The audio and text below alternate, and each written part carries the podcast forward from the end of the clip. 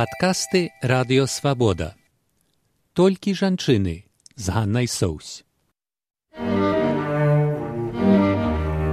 Толькі жанчыны кампетэнтныя і крэатыўныя жанчыны абмяркоўваюць розныя тэмы нечаканыя павароты незвычайныя ракурсы. Штотыдзень на хвалях свабоды толькі жанчыны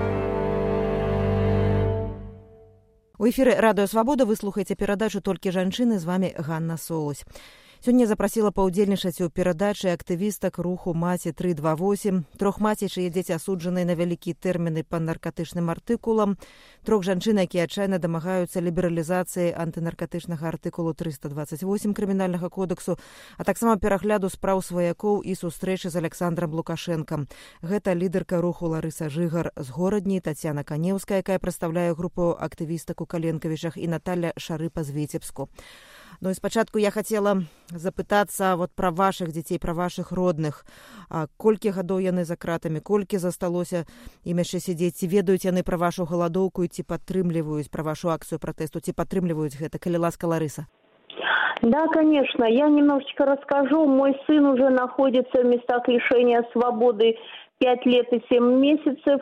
А, уже ему подошло, в общем-то, замена режима неотбытой части более мягким наказанием. Ну и э, хочу сказать, что, конечно, он не думал, что я пойду на голодовку, потому что он был уверен, что я буду в группе поддержки. Это было так изначально, но, честно сказать, я пошла на этот отчаянный шаг, потому что, прежде всего, я не могу оставить своих своих девчонок, своих активных девчонок, которые находятся в движении матерей, а, которые всегда вместе, мы когда вместе решаем все важные проблемы и вопросы.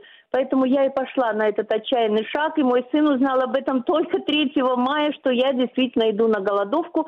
Когда позвонил и сказал, мама, тут, э, значит, просят оперативные сотрудники рассказать, оперативные сотрудники кого не рассказать, что же происходит у вас – вот это вот. И тогда он узнал, что я голоду, гол, э, иду на голодовку. Кольки дён, кольки, кольки дён уже у вас голодовки, как вы себя отчуваете? Честно сказать, уже сегодня 12 но я приехала в Гродно, потому что мне нужно поднять Гродненский регион. Они тоже будут поддерживать однозначно голодовку. И вот уже 12 день, это правда. Я вчера приехала в 11 часов вечера домой.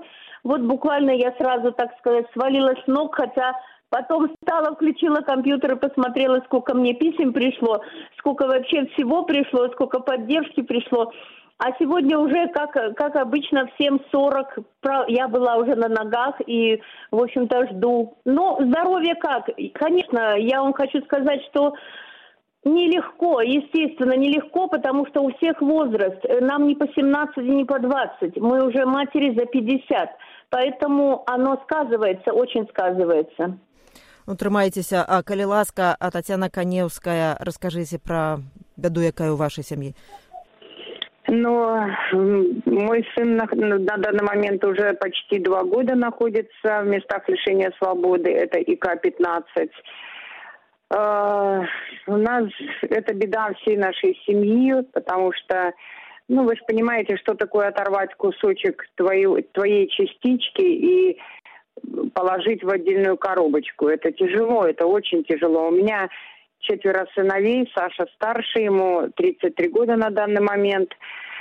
Э, тоже на голодовку я, это моя была инициатива изначально провести голодовку, потому что те все обещания, которые нам давали наши, э, наше правительство, наши депутаты, все, кто, кому мы обращались, это длительный процесс, это не, ну, это не передать словами. Все эти кипы отписок, как мы все говорим, хотя нам чиновники Качанова сказала, вы неправильно изъясняетесь, это не кипы, это правильная бумага, вам все правильно пишут.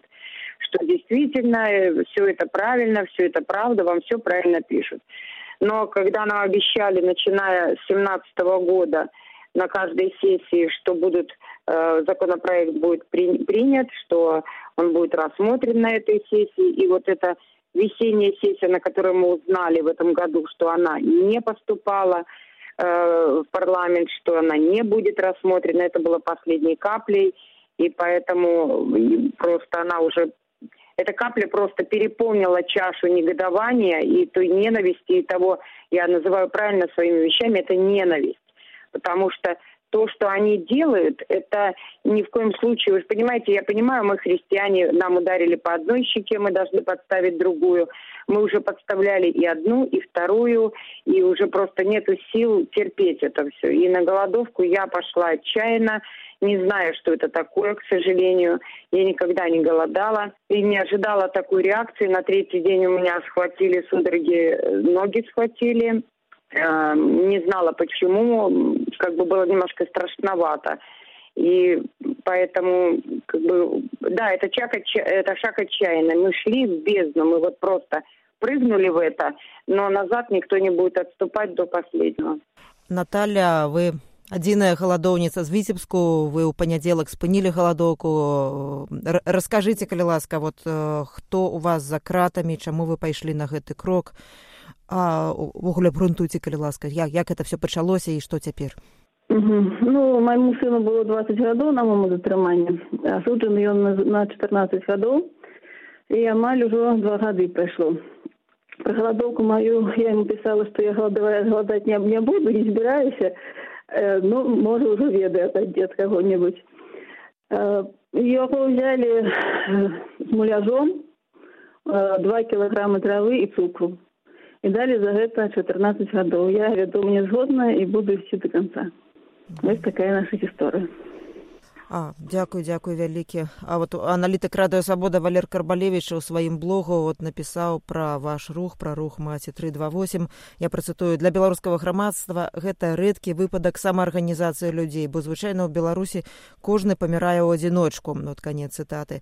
Ну, вот у вашым руху ўжо каля тысячи чалавек а вот ну по той інфармацыі як, якую вот вы сабралі каля 16 тысяч чалавек атрымалі вялікія тэрміны па наркатычных артыкулах. Вот як вы бачыце перспектывы перспектыве ці пашырацца будзе галадоўка на іншыя рэгіёны ці будуць далучацца да вашага руху іншыя бацькі ці можа гэты рух стаць масавым.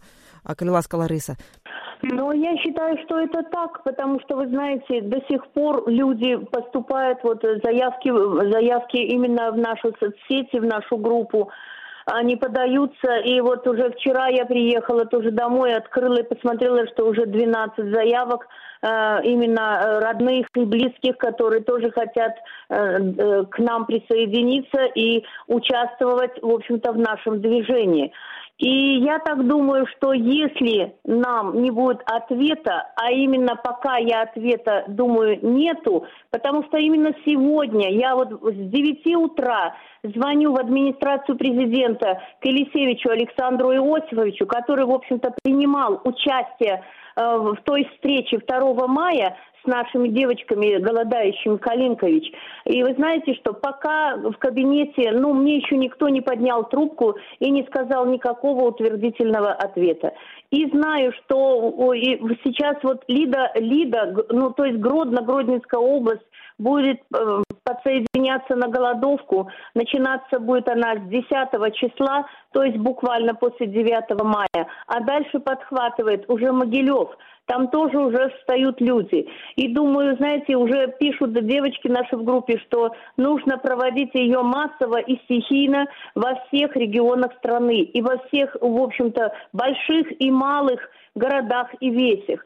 Поэтому, но пока мы не получили никакого ответа, ответа имени, именно с администрации. Поэтому не знаю, если такое молчание, к чему, конечно, оно приведет. Становится страшно, что на, в общем-то, сейчас голодающих матерей, которые ее объявили, никто из властей совершенно не обращает внимания.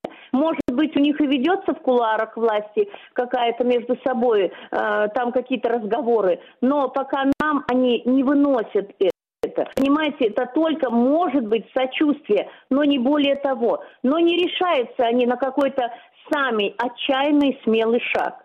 Вот это нам больше всего и страшно становится. Татьяна, скажите, калі ласка, наколькі далёка вы гатовыя пайсці, калі ўрады улады па-ранейшаму не будуць вас чуць, па-ранейшаму не будуць рэагаваць і будуць толькі абяцанні нейкія паперы. Вы знаете, что прежде чем прийти на эту голодовку, каждая из нас э, подписывала расписку, в которой было написано о том, что на эту голодовку каждый идет э, самостоятельно обдумав, приняв свое личное решение, что он идет, каждый подписывал то, что он сам принимает решение, что он идет на эту голодовку. Э, я могу ответить только за себя. Я не могу ответить за каждого, потому что у каждого у нас разное состояние здоровья. И поэтому я скажу, что я пойду на эту голодовку до конца, пока не получу ответ от Качановой. По поводу того, что вы спрашивали, э, насколько будет поступать в эту организацию люди или нет, если наше правительство будет поступать таким образом, то это, а, это не организация, это сообщество. То это сообщество вырастет до масштабов второго государства. Потому что э, не может быть, я уже задавала этот вопрос, не может быть столько, э, ну, как бы сказать, людей, массового помешательства такого. Понимаете, люди, чьи э, родственники осуждены действительно, которые распространяли, которые действительно получали от этого выгоду, а их здесь нет – в этом сообществе только люди, которые не распространяли, понимаете, это потребители, либо мелкие распространители, но это пушечное мясо, это не те люди, которые должны были сидеть.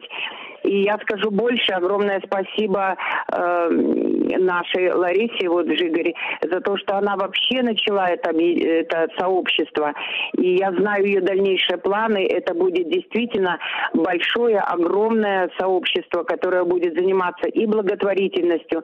В тюрьмах сидит очень много детей-сирот, которые не нужны никому, ни своим родителям, и тем более они не нужны государству.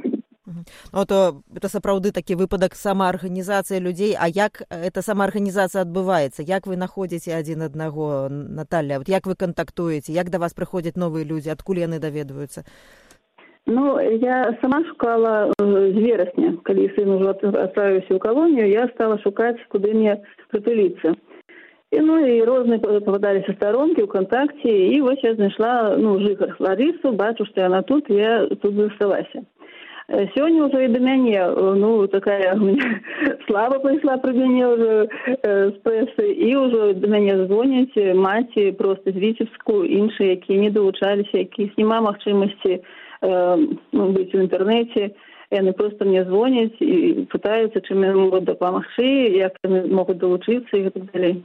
Ось. Вот я, я чытала ў Амерыцы вот уже гадоў 10 вельмі моцны быў рух маці, чые дзеці загінулі ад п'яных кіроўцаў. І гэтыя маці як бы вот, ну, вельмі актыўна аб'ядналіся, вельмі актыўна дзейнічалі, яны змянілі фактычна дзякуючы іх актыўнасці змянілася заканадаўства і сталі больш жорсткія пакаранні для кіроўцаў, якія выпіваюць за рулём. Это вынік маці. Ну, вот ён такі паспяховы.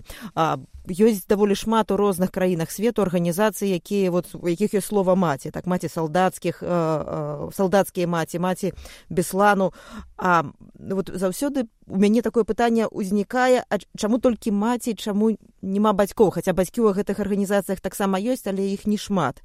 Вот маглі б вы адказаць на пытанне чаму пераважна маці найбольш адчайна і паслядоўна змагаюцца за сваіх дзяцей вот чаму напрыклад не назвалі б рух так бацькі три два восемь ларыса Вы знаете что, прежде всего я хочу сказать, когда начиналось вот это движение, здесь приняло участие 10 матерей города Гродно.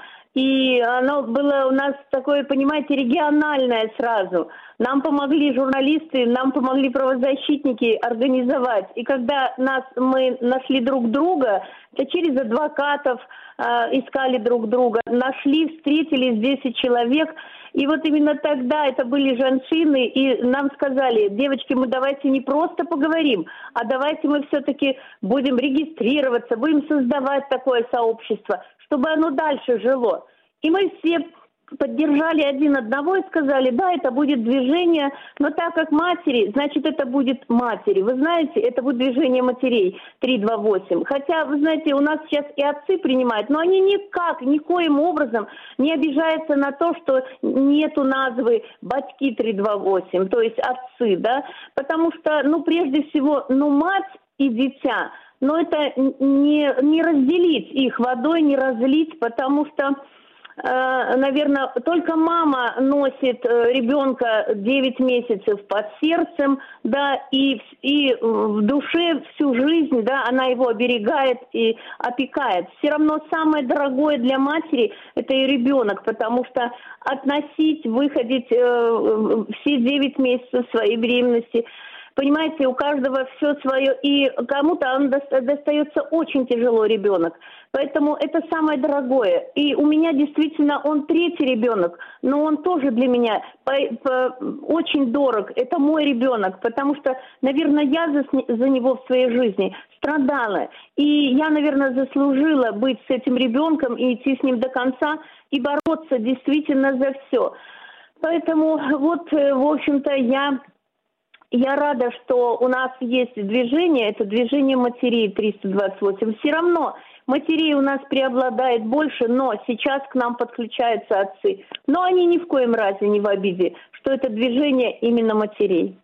Тое ж пытанне Татьяна да вас чаму пераважна маці ну, я поддерживаю слова Ларисы, но в то же время я так, что касается моего отца, нашего отца, нашей семьи, вы знаете, что э, кроме того, что мы боремся за наших детей на уровне правительства, мы пытаемся добиться справедливости, э, нам надо кормить наши семьи, а также надо и переслать передачу туда, в колонию, и какая-то поддержка нужна.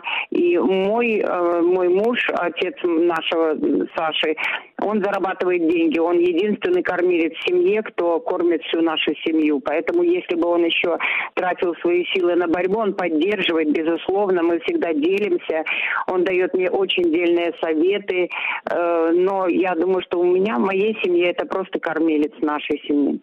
А, Наталья калі ласка так это выглядае што это стратэгічна было прынятае такое рашэнне што гэта найбольш уздзейнічае і вот ну, вот такім чынам размеркаваліся ролі так Ну, я думаю просто, что э, матери зловать нельзя. Ведаете, я памятаю, таки был фильм совет, может, советский, с Еленой Яковлевой, э, «Воспитание жестокости у женщин и собак». Вот кто не глядел, раю поглядеть.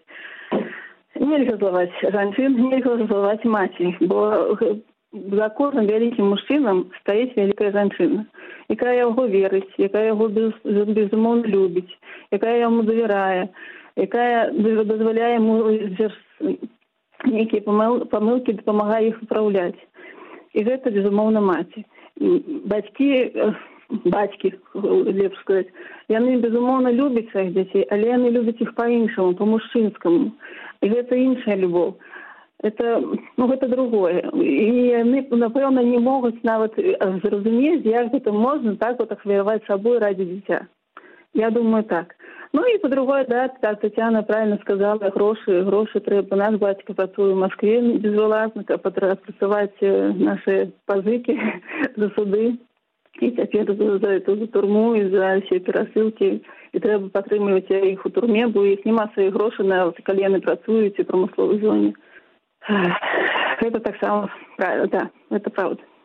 Ну, вот я хотела бы у кантэксце якраз гэтай тэмы згадаць святлану коржыч маці салдата александра коржыча якая вот мінулую дзякуючы ёю мінулую восень узнялася цэлая грамадская кампанія ў беларусі калі пачалі гаварыць пра дзедаўшчыну беларускім войску. І яна страціла свайго сына але напэўна дзякуючы яе актыўнасці смеласці адкрытасці но гэтая тэма ўздымаецца і і многія хлопцы якія пойдуць у войска могуць быць абаронены ад дзедаўшчыны і могуць іх не спаткае лёс сына маці сына святланы александра коржыча вот я хотела яшчэ такое пытанне вам усім тром задаць вы на яго адказвалі я думаю не адзін раз. Вы чулі гэтыя аргументы з боку іх даволі шмат у беларусі ты хто падтрымлівае жорсткае пакаранне за ўжыванне захоўвання распаўсюд наркотыкаў ну вот мяркуецца што менавіта такім чынам калі моцна напалохаць калі моцна пакараць можна спудніць гэтую навалу. Што няхай это будзе жорсткае пакаранне але яно дасць вынік для будучых пакаленняў і ўжо як бы прадстаўнікі прадстаўнікі наркакантролю кажуць што вот лічбы гэта паказваюць што гэта працуе. Вот як на такія аргументы вы звычайна адказваеце? І ці ёсць у вас адказ на тое як эфектыўна змагацца з наркотыкамі вот не такімі вялікімі тэрмінамі? Калі ласка ларыса Ну, я считаю, что вот именно жестокое наказание, оно не должно присутствовать. Тем более для кого? Для вот этой молодежи, которая, можно, можно сказать, просто оступилась, а не действительно организовала тот наркотрафик, они там наркобароны завезли эту наркоту в страну, распределили и на этом сделали какие-то деньги. Я хочу сказать, что помимо кнута у нас еще должен быть и пряник. И я считаю, что самое эффективное – это будет профилактика. Именно доносить до вот этой нашей молодежи, прогрессивного, прогрессив, прогрессивный слой нашего общества – это наша молодежь. Мы же понимаем, что молодежь – это максималисты. Им что-то хочется увидеть, где-то что-то попробовать. Понимаете, они всегда говорят, но его же не коснулось, значит и меня это обойдет. Поэтому, ну, одним кнутом – нельзя э, э, именно молодежь вот так вот держать в жесткости и вот это вот наказание. Оно не должно быть, не должно быть так. Действительно, государство должно подумать, что что же мы делаем, а все-таки если мы будем более гуманнее подходить, может быть, этого не будет. Ведь э, то, что говорят, что снизилось, я не думаю, что оно снизилось. Ведь каждый день смотрим мы зону X, еще какую-то передачу, где смотрим задержание трех-четырех, даже несовершеннолетних. Ведь 14 лет наказания. Это жестоко. 14-летний мальчишка получает такие большие сроки. Даже 8, даже а 14 это вообще кто он выйдет из, этого, из, э, из эм, этой вот того той, где он вертится, да, из зоны той, кем он станет в этой жизни. Ведь они еще не сформированы как личности, а нам жестокое. Да нельзя, нельзя, и это и все время мы говорили и говорим везде, на всех круглых столах, нельзя жестко наказывать ребят – Потому что мы все когда-то были молодыми. И кто-то хотел покурить, кто-то, знаете, выпил Агдам три семерки. Правильно? Мы все, но мы были молодыми. Но это не значит, что кто-то стал совсем алкоголиком, а кто-то наркоманом. Нет. Я считаю, что жесткие меры – это не метод а, значит, наказания. Вы поймите, что никого не устрашишь, потому что это наша молодежь наша молодежь, и ей э, совершенно неизвестно слово жестко. Да, для них нужно проводить профилактику, именно идти в массы молодые, чтобы вот это поколение знало, что наркотики, да, действительно это зло. Но, понимаете, еще каждый употребляет, ведь я, допустим, кто-то выпивает, кто-то курит, а кто-то не пьет и не курит, но он хочет что-то покурить. Но почему же так жестоко относиться к государству этим вот мальчишкам. Поэтому я не за жестокое наказание. Я это говорила, говорю и буду говорить. Крыласка Татьяна, ваша позиция? Ну, моя позиция, наверное, почти такая же, как у Ларисы, но я бы, знаете, что дополнила. Если э, этого требуют э, наши силовики, то здесь совершенно другая позиция. Шестой декрет, который был издан Александром Григорьевичем подписан, он замечательный, он действительно хороший декрет он нужен, но подходить к этому декрету надо было правильно. Они его исказили, перевернули и все вывернули в свою сторону. Они, этот шестой декрет был действительно создан на распространителей, на тех людей, которые сюда возят килограммами, на тех людей, которые находят этих бедных закладчиков, этих пацанят, которые э, закладчика посадили, следующий пришел, закладчика посадили, следующий пришел. А вот те, кто этим закладчикам дает эти килограммы. Вот они не сидят. Этих дел одно единственное, наверное, на всю страну э, за такой большой промежуток времени.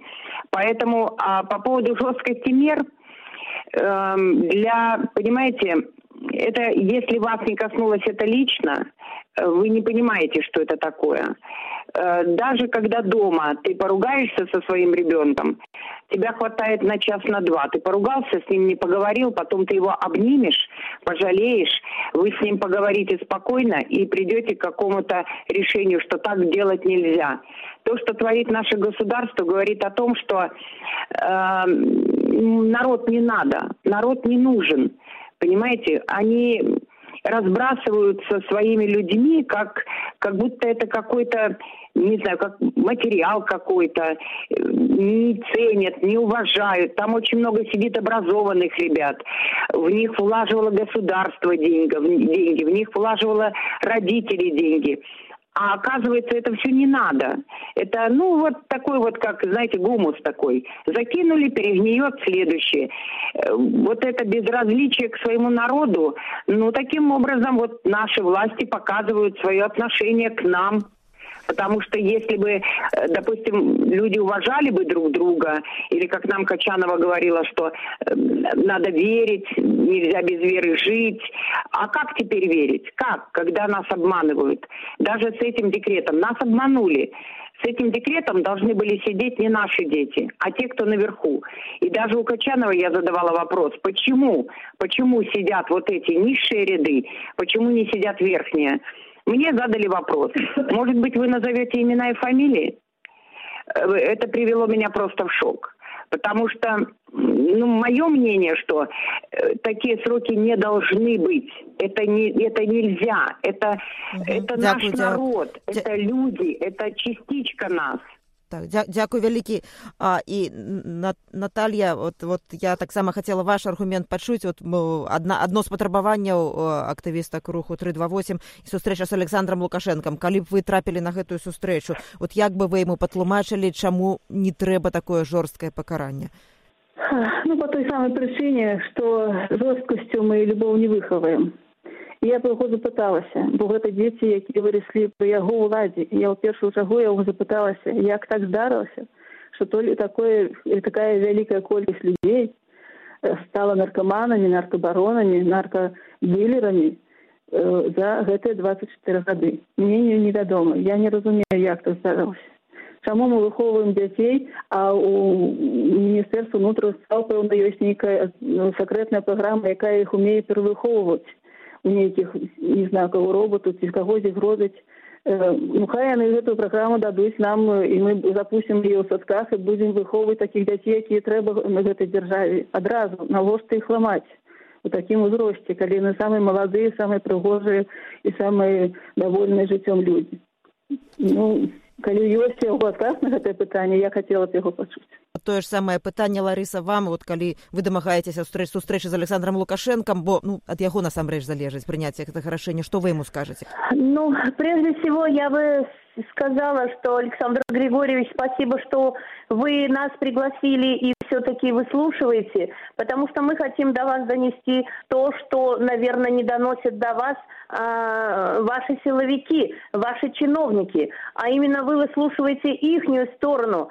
а вы слушайте, пожалуйста, простых женщин, простых матерей. Именно они вам больше расскажут, больше поведают о том, что происходит в нашей стране и почему.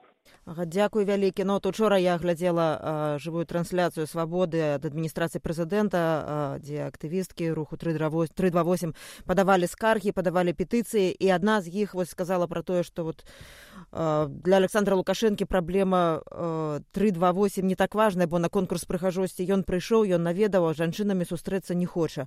Татяна калі все ж гэтая сустрэча адбудзецца што вы скажаце Ну, во-первых, я хочу сказать Александру Григорьевичу, что спросила бы его, знает ли он то, что происходит в стране. И если бы я услышала ответ, что он знает, я, наверное, больше бы ничего его не спрашивала. Если бы он действительно выслушал нас и понял бы, что за его спиной творится, что, скорее всего, ему копают яму, а он не замечает этого или, или ему просто не дают это видеть.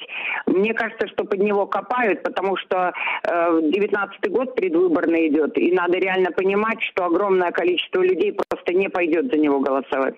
Дзякуй вялікі апошняе пытанне да вас Наталья от была і кандыдатку прэзідэнты Тацяна караткевич некалькі дзён таму наведала галадоўніцу пухавіскім раёне і вот я пачытала яе допіс пасля гэтага ў фейсбуку.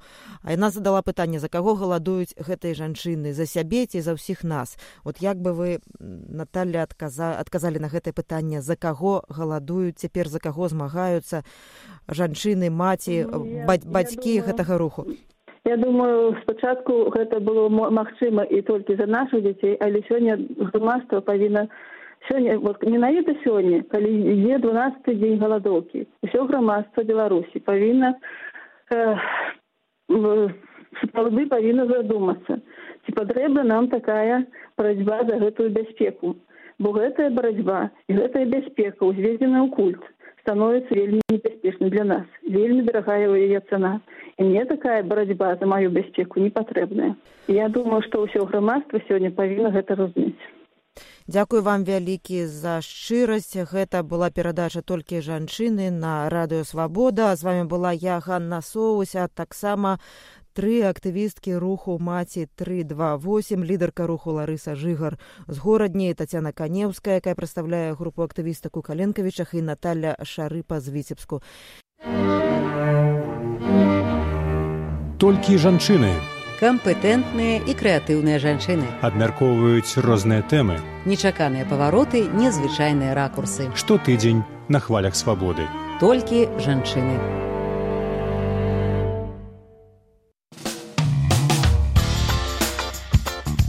Вы слухалі падкаст радыёвабода. Наступны выпуск праз тыдзень. усе падкасты свабоды ў інтэрнэце на адрасе свабода кропка орг Штодня, у любы час, у любым месцы, калі зручна вам. свабода кропка орг ваша свабода